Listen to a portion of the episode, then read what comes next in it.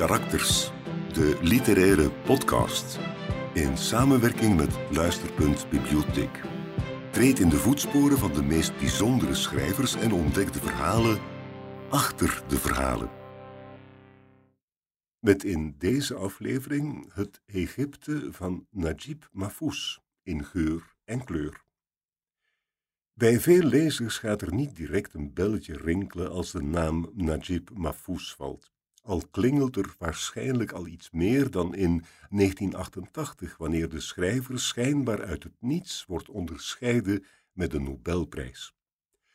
Zoals de Volkskrant het typerend opschrijft, ieder krantartikel, radioprogramma of televisiedocumentaire over de Egyptische schrijver Najib Mahfouz begint met de even obligate als onvermijdelijke constatering dat tot vorig jaar oktober, toen hem de Nobelprijs voor literatuur werd toegekend, vrijwel niemand in West-Europa ooit van hem had gehoord. Bij deze dus. De 20e eeuw van Egypte geeft Najib Mahfouz alle inspiratie die hij nodig heeft. Levend in een land vol politieke strijd, oorlogen, staatsgrepen, revoluties, westerse invloeden en diep gewortelde religie, schrijft hij in 70 jaar een kolkend oeuvre bij elkaar. Zelfs een moordaanslag in 1994 houdt hem niet tegen om de ziel van zijn land op papier te krijgen. Deze podcast zal het uiveren van Mahfouz bekijken in het licht van zijn persoonlijke ontwikkelingen en die van het Egypte van de vorige eeuw. Wil je je verder verdiepen in het werk van Najib Mahfouz of ben je benieuwd naar de verhalen achter andere auteurs? Neem dan een kijkje op ons literair platform op www.karakters.nu. Het juryrapport bij zijn Nobelprijs geeft een mooi inzicht in het werk van Mahfouz, de enige Arabisch-talige schrijver die sinds de eerste uitreiking in 1901 is bekroond met dit Zweedse eerbewijs. Uw rijke en complexe werk nodigt ons uit om de fundamentele dingen in het leven te overdenken. Thema's als de aard van tijd en liefde, samenleving en normen, kennis en geloof komen in verschillende situaties terug en worden op uitdagende en duidelijk gedurfde manieren gepresenteerd. Rijk aan nuance, soms helder realistisch, soms suggestief dubbelzinnig. In de prijsvermelding wordt u gecrediteerd voor de vorming van een Arabische vertelkunst die van toepassing is op de hele mensheid. Al is zijn werk sindsdien in wat meer westerse boekenkasten te vinden, op dit stukje van de planeet is Najib Mahfouz nog altijd een outsider. Dat is doorgaans ook de toon in de artikelen die over de schrijver verschijnen, waarin vooral naar voren komt hoe verrassend westers en toegankelijk zijn werk is. Tegelijkertijd is het een uivre dat inzicht geeft in oosterse denkwijzen en de lezer naar een andere wereld meevoert en wel die van Egypte, de duizenden jaren oude smeltkroes die Afrika en het Midden-Oosten aan elkaar plakt. Het land waar Mahfouz door het leven gaat als het geweten van de natie. Bijna een eeuw lang heeft Mahfouz in dit roerige gewest, waar hij in rivieren vol inspiratie baat door alleen maar zijn oren en ogen open te houden als hij de straat op gaat. Of zoals de krant Trouw in 1988 het pakkend samenvat, de Egyptische samenleving biedt stof genoeg voor een literatuur waarbij de klassieke Russische zou verbleken. In een wereld die al lang niet meer bestaat, wordt Najib Mahfouz geboren in het hart van het oude Cairo als laatste kind in een gezin in de lagere middenklasse met vijf jongens en twee meisjes. Thuis is er weinig cultuur te vinden. Het is dankzij de basisschool dat hij zijn eerste leesverslaving ontwikkelt met de avonturenromans van Sir Walter Scott en Sir Henry Rider Haggard. Niet veel later pakt hij zelf de pen op en herschrijft hij bestaande romans met details uit zijn eigen leven. De geest van Mahfouz ontwaakt echter pas bij het lezen van On Pre-Islamic Poetry van zijn invloedrijke landgenoot Taha Hussein. Een rationeel boek waarin Hussein vraagtekens zet bij de authenticiteit van bepaalde teksten in de Koran, reden boven traditie plaatst en daarmee een luik opent in het hoofd van de streng religieus opgevoede Mahfouz. Via Hussein komt hij vervolgens Salama Moussa op het spoor, een belangrijke seculiere, socialistische en evolutionaire schrijver. Ook ontdekt hij zo Abbas Mahmoud al-Akkad, een esthetische en filosofische auteur die hem een zetje richting de filosofie geeft. Ondanks het feit dat zijn vader hem liever geneeskunde ziet studeren, wil Mahfouz de mysteries van het leven ontrafelen en besluit hij voor filosofie te kiezen. Naast zijn studie aan de Universiteit van Cairo leest hij zich een weg door de klassieke Arabische literatuur. Zo begint hij meer westerse schrijvers te ontdekken. Met de wereldliteratuurgids The Outline of Literature van John Drinkwater bij de hand ontdekt hij zijn favoriete schrijvers Lev Tolstoy, Fyodor Dostoevsky, Anton Chekhov en Guy de Maupassant. Moderne schrijvers die Mahfouz waardeert zijn Marcel Proust, Frans Kafka, Ernest Hemingway, Thomas Mann en James Joyce. Op theatergebied mogen William Shakespeare, Eugene O'Neill, Hendrik Ibsen, August Strindberg en Samuel Beckett niet ontbreken en poëten naar zijn hart zijn Tagore en Hafez. Tot de mooiste boeken rekent hij Hart der Duisternis van Joseph Conrad en Moby Dick van Herman Melville, wat Mahfouz misschien wel de allermooiste roman vindt. In de boekenstapels op zijn studeertafel is verder veel te vinden over secularisme, sociaal liberalisme, parlementaire democratie, socialisme en wetenschap. Een hoop kennis die zijn wereldbeeld in een ander licht plaatst en Mahfouz onder meer met de ideeën van het socialisme doet flirten. Een ideologie die in zwang is bij intellectuelen van west tot oost. Zo vogelt Mahfouz het leven uit wat hij tot zijn 42ste voornamelijk in zijn eentje doet. Hij ziet het huwelijk vooral als iets dat zijn literaire werk in de weg zal staan. Wat op zich geen vreemde gedachte is, aangezien er dagelijks weinig uren overblijven om te schrijven. Van 1934 tot 1972 werkt Mahfouz namelijk fulltime als ambtenaar voor ministeries, filmorganisaties en uiteindelijk als adviseur van de minister van Cultuur. Via zijn werk ontmoet hij mensen uit alle rangen en standen die hij optekent in de boeken die hij in de avonduren schrijft. Om deze verhalen neer te kunnen schrijven, legt hij zichzelf een bijzonder efficiënte en disciplinaire manier van leven op. Toch weet hij op een of andere manier de liefde in zijn agenda te frommelen, als hij in 1954 in het huwelijksbootje stapt en twee dochters krijgt. Nadat zijn schrijfcarrière eind jaren dertig was begonnen met een aantal historische romans die zich afspelen in het faraonische Egypte, verandert zijn schrijfstijl halverwege de jaren veertig volkomen. Najib Mahfouz kan de wereld om hem heen niet langer negeren. Er sijpelen steeds meer westerse invloeden binnen in de Egyptische maatschappij. De machtsverhoudingen met de Britse heerser staan onder druk en Egypte wordt tijdens de Tweede Wereldoorlog binnengevallen door Italiaanse en Duitse troepen. Al deze ontwikkelingen besluit Mahfouz in het realisme te gieten, een stijlvorm waar de nieuwigheid in het Westen al een beetje vanaf is, maar die de Arabische wereld nog niet heeft bereikt. Hij vindt dat deze periode niet zomaar kan worden overgeslagen in de evolutie van de Arabische literatuur en schrijft onder invloed van schrijvers als John Galsworthy, Aldous Huxley en D.H. Lawrence zijn eerste moderne en realistische romans met de titels Nieuw Cairo, Kan al-Khalili en De Middagsteeg. Voor de eerste keer mengen alle ingrediënten zich met elkaar die de verhalen van Mahfouz zo uniek maken. Die bitterzoete combinatie van westerse invloeden, de naturalistische beschrijving van de snel veranderende Egyptische samenleving en de altijd aanwezige factor in zijn werk, politiek. Met als hoogtepunt de Cairo-trilogie die hij afrondt in 1952, het jaar waarin er een staatsgreep gepleegd wordt en het Koninkrijk Egypte in een republiek verandert. De grote politieke spanningen die dat teweeg brengt en de teleurstellingen die het nieuwe regime met zich meebrengt, houden Mahfouz jarenlang van het schrijven af. Het eerste deel van de trilogie verschijnt in 1956 en pas jaren later publiceert hij nieuw materiaal. Door alle sociale en politieke hervormingen zegt Mahfouz geen aanleidingen meer te vinden om over te schrijven. De waarheid zal ongetwijfeld iets genuanceerder liggen, aangezien hij later ook aangeeft dat hij zich als ambtenaar op de vlakte hield uit zelfprotectie. Ondertussen lopen de creatieve processen in zijn hoofd voort en slaat hij in 1959 een andere weg in met de roman Kinderen van Gabalawi. Zijn verhalen worden meer allegorisch van aard en Mahfouz schrijft dieper over de zin van het leven, de waarde van werk, vrijheid en de relatie tussen het individu en de autoriteiten.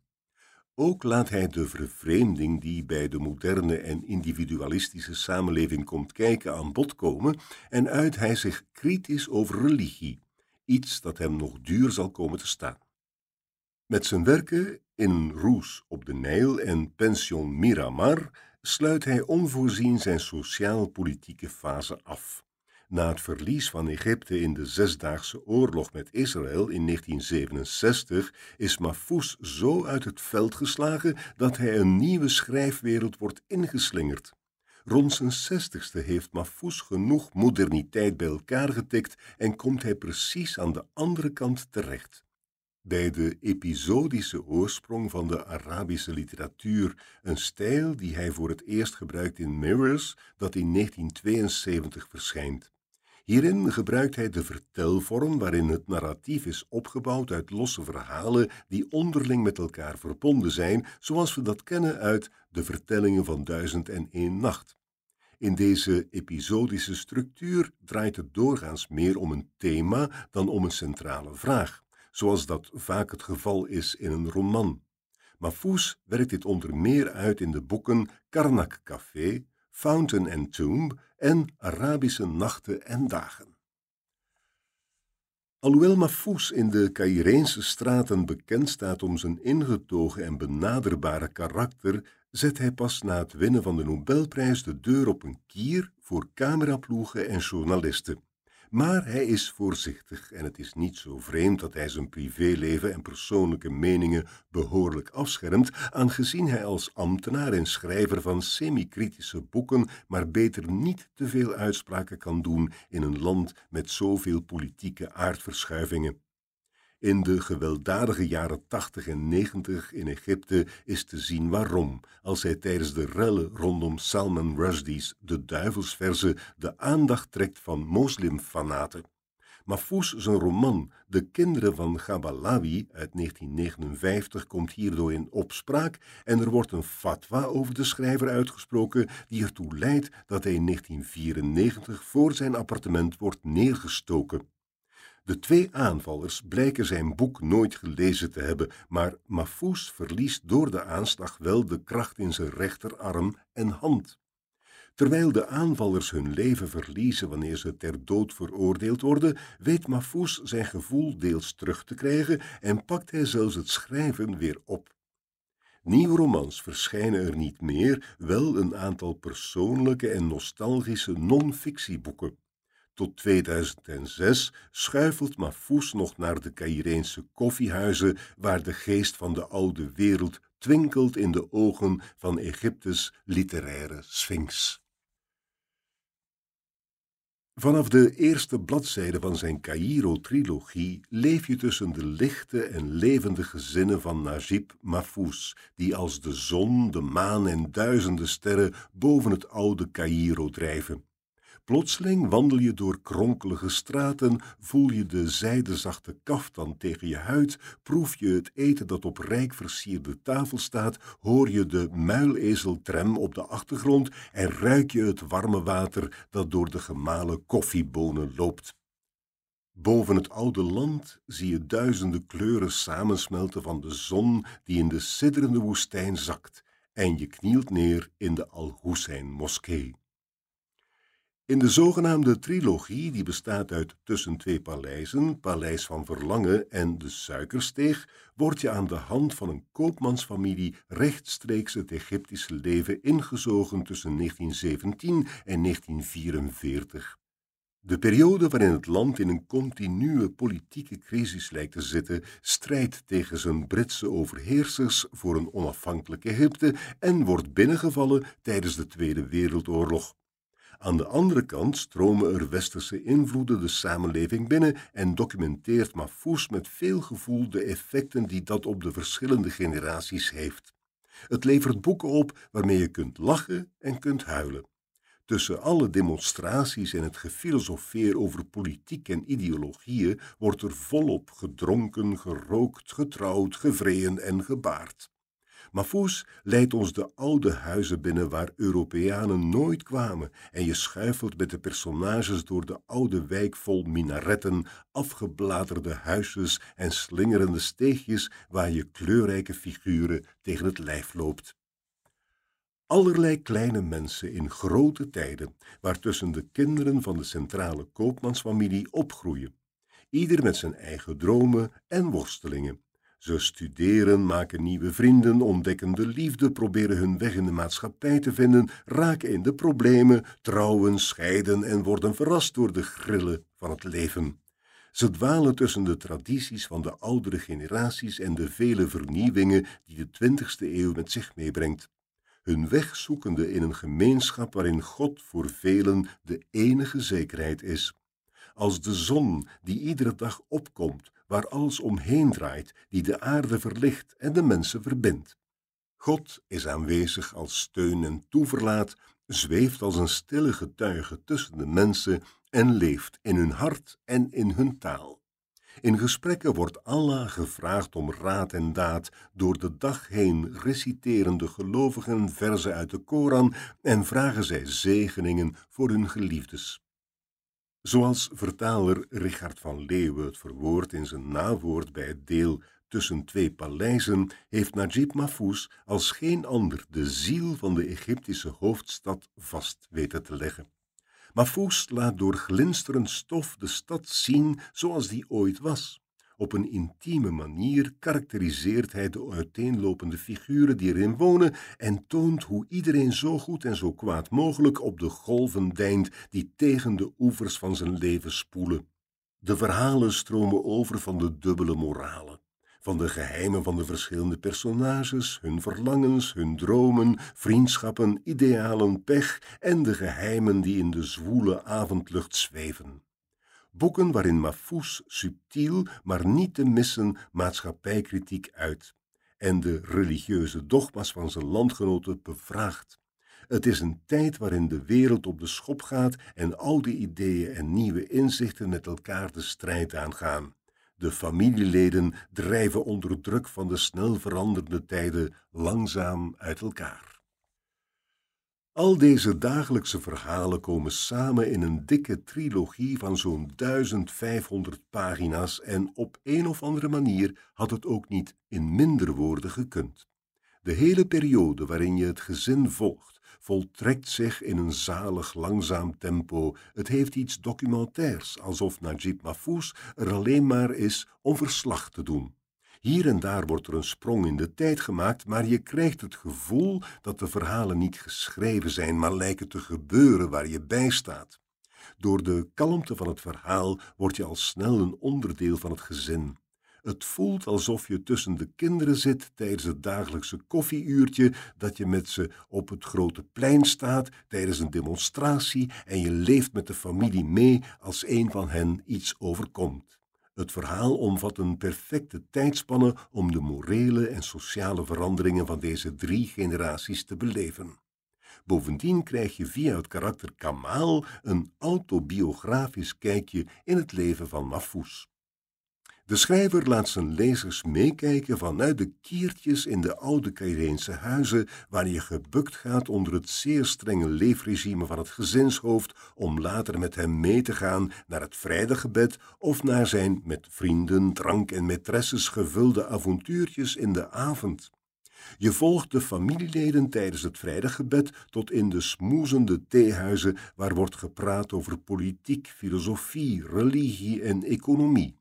Verschillende zaken zullen voor de Egyptenaar geen openbaring veroorzaken, maar voor een lezer uit de winderige lage landen is het alsof je op reis bent en door een onzichtbare poort verdwijnt in het papier. Mafous laat zien hoe betoverend het dagelijks leven kan zijn. Op haarscherpe momenten sta je plots op het dakterras van het huis in Cairo met de zoete geur van jasmijn die in je neus glijdt, overal potten vol met anjers en rozen, opzwellende klimop rond de palen van het afdak met daarboven de felle stralen van de zon die alles laat groeien. Een verblindend felle en kleurrijke plek waar de puberende jongens geheime blikken met buurmeisjes uitwisselen en waar de moeder van het gezin zachtjes tegen de rondscharrelende dieren praat. Ze hield van de kippen en de duiven, zoals ze van al Gods schepselen hield. Ze praatte zachtjes tegen ze en ze geloofde dat ze haar verstonden en begrepen. Ze was ervan overtuigd dat deze wezens hun Heer prezen en in verbinding stonden met de spirituele wereld, want deze wereld op het dak met het terras, de hemel, de dieren en de planten was een levendige, intelligente wereld. Voordat ze het dak verliet, spreidde ze haar handen en bad tot haar Heer God bescherm Sidi en mijn zoons en mijn moeder en Yassine en alle mensen, moslims en christenen, zelfs de Engelsen, Heer, maar laat hen weggaan uit ons land. Deze podcast is een samenwerking tussen literair platform en uitgeverij Karakters en Luisterpunt Bibliotheek, de bibliotheek voor mensen met een leesbeperking. Abonneer je op onze podcast en blijf op de hoogte van nieuwe afleveringen. Ben je benieuwd naar ons gesprek met Dina Hesmat, een kenner van Mafous zijn uivre, of ben je benieuwd naar de verhalen achter andere auteurs? Neem dan een kijkje op ons literair platform op www.karakters.nu.